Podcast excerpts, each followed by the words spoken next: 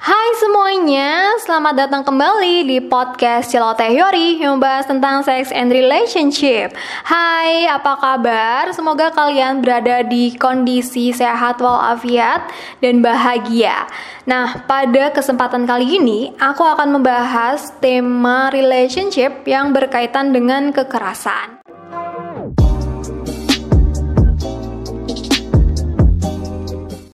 Nah, walaupun di luar sana udah banyak banget yang membahas tentang tema ini, tapi menurutku ini masih sangat relevan sampai sekarang. Mengapa? Karena masih banyak banget yang mengalami kekerasan dalam relationship baik itu dalam pacaran maupun KDRT atau dalam ikatan rumah tangga atau ikatan pernikahan. Nah, kenapa juga aku membahas ini agar teman-teman pun yang mendengarkan atau juga sudah tahu terkait dengan kekerasan dalam hubungan ini juga memberikan informasi pada teman-teman yang lainnya terkait hal ini. Kenapa banyak sekali yang menganggap bahwa kekerasan dalam hubungan itu adalah sesuatu yang wajar. Tentu aja itu adalah hal yang keliru karena sesuatu atau suatu hubungan yang sehat tentu aja jauh dari kata kekerasan. Nah, pada kesempatan kali ini aku akan lebih berfokus pada ciri-ciri pelaku kekerasan dalam relationship. Nah, uh, sebelum membahas itu lebih lanjut, aku ada cerita menarik sih sebenarnya. Nah, dulu uh, ketika aku masih kuliah psikologi, ketika masih S1 sih kayaknya di tahun 2010 itu beberapa temen uh, walaupun beda kelas ya itu mengalami kekerasan dalam pacaran. Nah, walaupun anak-anak uh, psikologi itu membahas tentang jiwa manusia, tapi ada jebakan ternyata. Nah, karena kita juga masih belajar ya, jadi uh, mereka yang menjadi korban kekerasan dalam pacaran itu punya pemikiran bahwa mereka para pelaku maksudnya itu punya gangguan yang mesti uh, si korban ini sembuhkan. Nah, karena ilmu kita masih setengah-setengah pada saat itu, jadi banyak teman-temanku yang ya ibaratnya dengan aku belajar psikologi, maka aku mesti membantu dia untuk bisa lepas dari pola kekerasan. Ya mungkin karena namanya anak psikologi kan kadang menghubung-hubungkan ya karena udah tahu oh pola asuh orang tuanya nih kayak gini di rumah tuh dia juga dikerasin jadi nggak heran kalau uh, sama pacar juga melakukan kayak gitu. Nah, beberapa semester kemudian akhirnya ada salah satu dosen yang memang concern banget di bidang uh, perkembangan remaja dan seksualitas itu membahas soal itu kayak gitu. Jadi banyak anak-anak psikologi terutama yang cewek itu lupa bahwa mereka uh, menjalin hubungan pacaran itu tujuannya itu sebagai uh, konselor atau sebagai pasangan. Nah, ini adalah jebakan. Jadi dengan belajar psikologi jadi merasa punya kewajiban untuk uh, menyembuhkan atau uh, apa ya merubah polanya jadi lebih baik. Padahal sebenarnya secara nggak langsung dia udah menjebak dirinya pada hubungan yang toksik atau hubungan yang udah nggak sehat. Nah tentu aja hal kayak gini sebenarnya nggak cuma anak-anak psikologi aja kali ya yang ngalamin gitu loh. Ternyata di luar sana setelah aku berpraktek sebagai psikolog pun juga ternyata banyak mereka yang tidak berlatar belakang psikologi itu juga punya pemikiran seperti itu. Jadi ketika suami atau pasangan atau pacarnya itu melakukan kekerasan sama dia, dia menganggap bahwa oh ini dia gangguan, dia punya sakit hati di masa lalu. Jadi pelampiasannya ke aku atau ke istri kayak gitu ke anak-anak. Nah, ini yang perlu digarisbawahi bahwa di beberapa penelitian bahwa ternyata pelaku kekerasan itu tidak selalu atau bahkan sedikit yang mengalami gangguan emosi. Nah, seperti uh, gangguan kepribadian dan sebagainya. Ternyata tuh enggak, enggak semuanya seperti itu walaupun ada ya berapa persen kayak gitu. Karena mereka yang mengalami gangguan emosi atau gangguan uh, kepribadian, mereka secara tidak langsung akan menyadari bahwa ada yang nggak beres sama dirinya dia kayak gitu dan punya kesadaran untuk minta tolong. Nah, sedangkan para pelaku kekerasan justru menggunakan power untuk menekan yang tanda kutip lebih lemah daripada dia. Nah, kalau dikait-kaitkan dengan gender ini pasti banyak mengaitkan juga dengan patriarki ya kan? Jadi banyak korban kekerasan itu perempuan karena perempuan itu dianggap lemah perempuan itu dianggap second layer. Padahal sebenarnya nggak semua korban kekerasan itu perempuan ya. Banyak juga di luar sana korban kekerasan dalam hubungan itu juga laki-laki juga ada tapi jumlahnya kan nggak sebanyak korban yang perempuan kayak gitu Oke, langsung lanjut aja ya. Ciri-ciri uh, pelaku kekerasan itu yang pertama salah satunya adalah pencemburu yang ekstrim. Nah, kalau teman-teman mengikuti podcastku yang sebelumnya, aku membahas tentang cemburu itu tanda cinta nggak sih kayak gitu. Nah, ternyata ada cemburu yang sehat dan ada cemburu yang patologis. Nah, mereka yang punya potensi melakukan kekerasan itu biasanya memiliki pencem, uh, sebagai pencemburu yang ekstrim. Jadi mereka sangat kurang membangun atau sangat kurang punya rasa percaya pada pasangan. Bahkan mereka akan selalu menanyai ke mana lagi apa, pergi sama siapa dan lain sebagainya kayak gitu karena menganggap ya pasangan itu adalah milik dia sepenuhnya. Nah ini adalah potensi kekerasannya sangat besar.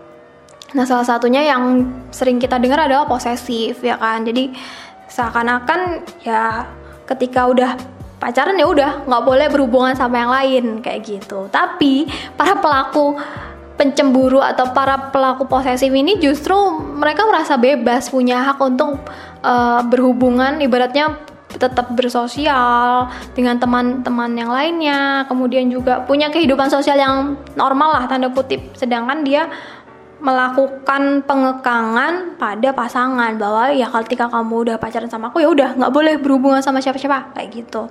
At least itu cuma teman doang. Kemudian juga ada pembatasan dengan keluarga itu juga bisa.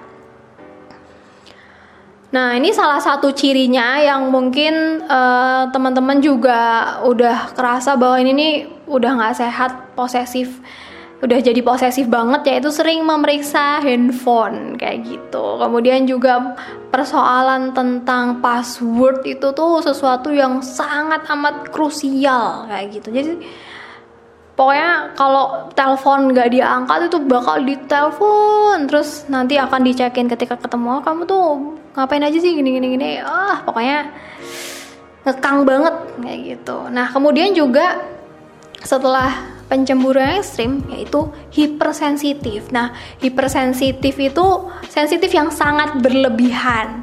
Nah, si ini adalah sebenarnya sifat umum dari pelaku kekerasan. Seseorang yang hipersensitif biasanya merasa mudah terhina dan menganggap segala sesuatunya sebagai bentuk penyerangan terhadap dirinya. Jadi tuh gampang baper, tapi gampang bapernya tuh ke arah yang negatif banget kayak gitu loh. Jadi misalnya ketika ada orang yang ngomong bisik-bisik rasanya lagi ngomongin dia kayak gitu. Nah ini juga berlaku ketika ke pasangan kayak gitu. Jadi kayak udah berasumsi negatif dulu terhadap dirinya bahwa kayaknya nih ada orang yang nggak suka kayak gitu dan dia akan menyerang, mengattack kayak gitu ke orang tersebut. Tapi biasanya mereka punya kesadaran diri ketika dengan orang yang nggak dikenal. Nah seringnya ini adalah sama ya pasangan sendiri gitu. Ketika misalnya lagi telepon kayak telepon siapa sih? Ya temanku. Ya teman siapa? Ya gitu sampai ditanyain gitu. Sebenarnya mirip-mirip kayak posesif sih tapi ini hipersensitif tuh lebih pada dia tuh kayak ngerasa tuh sering dihina kayak gitu loh. Bahkan sebenarnya orang lain juga atau pasangan juga biasa aja kayak gitu. Nah ini juga akan mengakibatkan ledakan emosional. Nah kemudian uh, suka mengontrol perilaku pasangan. Nah, di sini juga perlu disadari bahwa ngontrol perilaku itu bukan berarti tanda menjaga ya. Karena banyak banget cewek-cewek lugu tanda kutip itu ayo kamu pulang uh, pulang ke rumah maksimal jam 7 kayak gitu. Di luar itu uh, pokoknya udah kayak pos satpam banget gitu loh udah kayak satpam banget pokoknya harus jam sekian nggak boleh gini nggak boleh gitu kayak gitu masih pacaran tapi kok udah ngatur-ngatur banget. Nah, banyak cewek-cewek yang mempersepsikan itu tuh tanda sayang kayak itu sebenarnya itu adalah perilaku mengisolasi kayak gitu. Jadi membuat uh, si korban atau si pasangannya ini jadi kayak nggak punya akses untuk bersosial lebih uh, luas kayak gitu. Ini kan juga bahaya. Karena efeknya ketika mengalami kekerasan si cewek ini atau si korban ini nggak nggak tahu harus minta tolong ke siapa. Dan dia sudah uh, tergantung sama pasangannya. Karena kan ya hubungannya kan ibaratnya hubungan komunikasi ini cuma sama pasangannya aja. Jadi kalau minta tolong ya cuma sama pasangan. Kalau sama orang lain juga nggak tahu harus gimana harus memulainya kayak gimana kayak gitu Nah, ini juga banyak pelaku kekerasan yang berusaha menjelaskan perilaku mengendalikan sebagai bentuk rasa khawatir, ya kan? Kan banyak banget korban tuh yang ngerasa ya ampun aku tuh diperhatiin banget sebenarnya kayak gitu tapi nggak nggak sadar bahwa sebenarnya itu adalah sudah bentuk pengontrolan perilaku nah kalau tujuannya jelas tujuannya ibaratnya ya oke kita sebagai cewek nggak boleh pulang malam. Tapi kalau misalnya ada tugas ada pekerjaan yang mengharuskan kita pulang malam ya selama kita bisa menjaga diri dan tahu mesti gimana kan sebenarnya nggak apa-apa fine fine aja kayak gitu. Bukan berarti langsung ya udah kamu keluar aja dari kerjaan itu. Ya udah siapa suruh kamu ambil kuliah ambil apa sih UKM ini? Nah kan nggak bener jatuhnya. Nah kemudian adalah sering mengalami perubahan mood. Nah, sering mengalami perubahan mood di sini bukan berarti mengalami gangguan emosional ya, bukan berarti mengalami gangguan emosi. Nah, jadi karena polanya sudah uh, terbentuk bahwa dia bisa marah sesuka hati, bisa ibaratnya bisa berubah sikap juga sesuka hati ini bentuk dari pengontrolan perilaku lagi. Jadi kayak banyak korban kekerasan ini uh, baik di pacaran maupun di rumah tangga atau yang udah menikah itu pelakunya itu mengalami perubahan yang ekstrim. Jadi gini kayak misalnya habis marah-marah habis habis banting-banting barang habis meledak meledak-ledak kayak gitu terus beberapa jam kemudian tiba-tiba tuh minta maaf kayak gitu tiba ma minta maaf. Terus apa ya pokoknya ampun ampun deh nggak pernah nggak akan ngelakuin itu lagi hilaf kayak gitu gitu nah ini yang perlu dipikir disadari bahwa uh, banyak pelaku kekerasan yang menggunakan metode ini sebagai taktik untuk mengontrol ibaratnya untuk bikin bingung gitu loh bikin bingung korban loh. Tadi marah-marah tapi kok sekarang kok udah udah romantis banget sikapnya kayak gitu. Nah ini yang perlu dipahami bahwa bisa jadi perubahan mood yang seakan-akan terlihat seperti gangguan ternyata itu adalah sesuatu hal yang dipelajari kayak gitu loh. Karena dia tahu dengan dia marah itu membuat si korban takut buat si pasangan takut. Tapi dengan uh, ketika dia minta maaf, ketika dia sampai nangis-nangis sampai sumpah demi apa pun kayak gitu, itu tuh bagian dari kayak ngambil hatinya. Justru dengan kayak gitu memposisikan si pasangan atau si korban ini kayak merasa sangat jahat banget kalau nggak maafin kayak gitu. Ini kan udah kayak manipulatif banget kayak gitu. Nah hal-hal kayak gini nih yang bikin kadang cewek-cewek tuh susah ngambil keputusan untuk putus nggak ya kayak gitu. Atau ngambil sikap untuk ibaratnya konseling lebih lanjut ketika ini kasusnya dalam rumah tangga kayak gitu. Karena mereka berpikir berulang kali jangan-jangan akunya yang baper jangan-jangan akunya yang bermasalah kayak gitu. Nah kemudian uh, yang terakhir ini adalah sering menyalahkan orang lain. Jadi ini adalah pelemparan tanggung jawab. Ketika dia disudut, disudutkan maka pelaku ini akan melempar kesalahan itu pada orang lain. Nah, orang lain yang paling dekat adalah siapa? Ya pasangan, kayak gitu. Kayak misalnya dia uh, habis kena masalah apa gitu. Terus ya walaupun sebenarnya pasangan gak ada sangkut pautnya, pasti nanti akan dikait-kaitin kamu sih kemarin tuh bikin aku bad mood, jadi aku kerjanya nggak bener ini itu dan sebagainya kayak gitu loh. Nah ini juga sebenarnya berkaitan juga dengan ciri hipersensitif tapi sebenarnya nggak selalu mirip juga sih tapi karena mereka itu selalu apa ya terlalu sensitif banget sehingga jadi kayak mengait-ngaitkan ke sesuatu yang nggak ada kaitannya sama sekali kayak gitu. Nah, ketika uh, korban atau pasangan ini sering disalahkan, nah maka efeknya apa? Efeknya penurunan self esteem atau penghargaan dirinya juga akan turun. Karena memposisikan dirinya oh ya ya aku tuh kok gini salah itu salah. Pokoknya segala sesuatu tuh salah aja di mata dia kayak gitu loh. Nah ini yang membuat dia jadi kayak nggak pede. Terus juga untuk mengambil satu keputusan atau tindakan itu tuh ragu-ragu. Karena ini salah nggak ya? Nanti ini gimana ya? Efeknya gimana ya? Jadi udah terlalu banyak mikir sampai budruk sendiri sampai bingung. Nah, efeknya apa ketika seseorang atau korban atau pasangan yang sering mendapatkan kekerasan dan uh, penghargaan dirinya drop, ya dia ngerasa udah nggak ada jalan lain. Kayak satu-satunya cara yang bisa dia lakukan adalah dengan menyakiti diri, misalnya untuk mengekspresikan rasa sakit, kemudian juga ada pikiran untuk mengakhiri hidup kayak gitu. Karena apa? Ya karena sulit untuk melihat jalan keluar. Padahal sebenarnya ada banyak bahkan jalan keluar yang bisa diambil tapi yaitu karena dia nggak sendiri nggak pede atau nggak percaya bahwa keputusan yang akan diambil itu adalah benar untuk dirinya. Karena sudut pandangnya e, perlahan-lahan tuh sudah diubah bahwa semuanya itu tentang orang lain, yaitu tentang pasangan yang abusive itu. Nah, jadi perlahan-lahan dengan beberapa ciri yang sudah aku sebutkan uh, bisa menjadi patron atau bisa menjadi rambu-rambu buat teman-teman, baik itu kalian yang dalam masa pacaran atau punya temen atau punya saudara yang kok melihat ketika pacaran kok malah gak makin happy tapi justru makin sedih, makin loyo wajahnya kayak gitu. Terus jadi pendiam, nggak mau cerita. Biasanya cekakakan tiba-tiba tuh jadi pendiam ya cuman nggak apa-apa lagi ada masalah aja kayak gitu nah hal-hal kayak gitu yang perlu kita sering apa ya gaungkan bersama kayak gitu loh.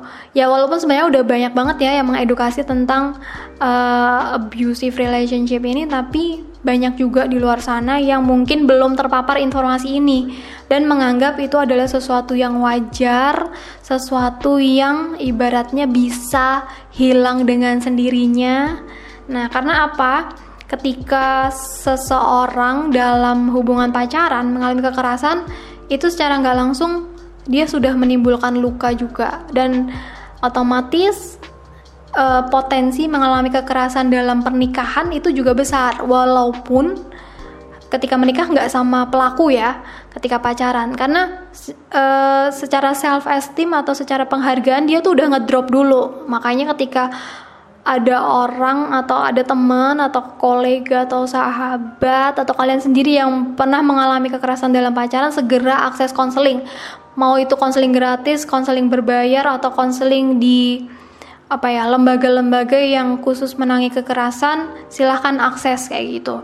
Karena penting untuk mengembalikan kepercayaan diri mengembalikan penghargaan diri kalian agar ke depannya itu bisa lebih lebih stabil ibaratnya.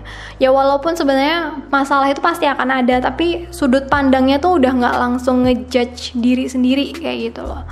Nah kemudian bagi ke, e, mereka yang mengalami kekerasan dalam rumah tangga jangan salah kekerasan ini juga bisa e, dialami juga oleh anak-anak.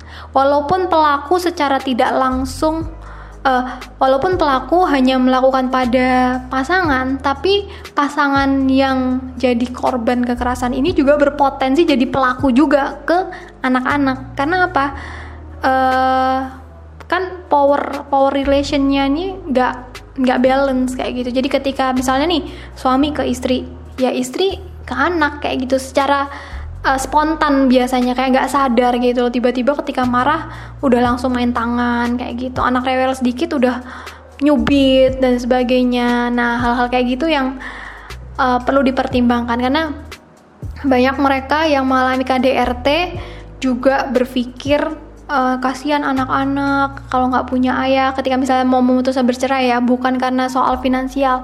Padahal ketika ada ayahnya pun jika perilakunya masih dengan kekerasan seperti itu justru itu juga bikin anak-anak pun juga nggak sehat secara mental. Dan dia pun berpotensi juga melakukan kekerasan juga ke orang lain ke teman sebaya ke pacarnya atau ke pasangannya nantinya kayak gitu. Nah hal-hal kayak gitu. Jadi perlu disadari bahwa mata rantai kekerasan itu bisa kok diputus sedini mungkin kayak gitu. Asal kita punya kesadaran untuk bertanggung jawab penuh atas hidup kita. Nah gitu ya teman-teman ya. Semoga pembahasan tentang uh, abusive relationship ini bermanfaat. Dan terima kasih yang sudah mendengarkan dari awal sampai akhir. Semoga kalian bisa mendapatkan hal-hal yang baik dan bisa disebarkan juga ke orang-orang lain.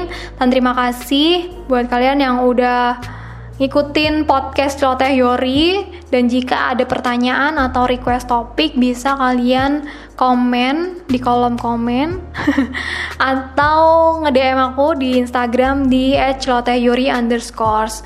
Dengan senang hati semoga aku juga bisa menjawab pertanyaan atau request kalian ya Oke begitu dulu, terima kasih sudah mendengarkan. Sampai jumpa di episode Celoteh Yori berikutnya. Bye!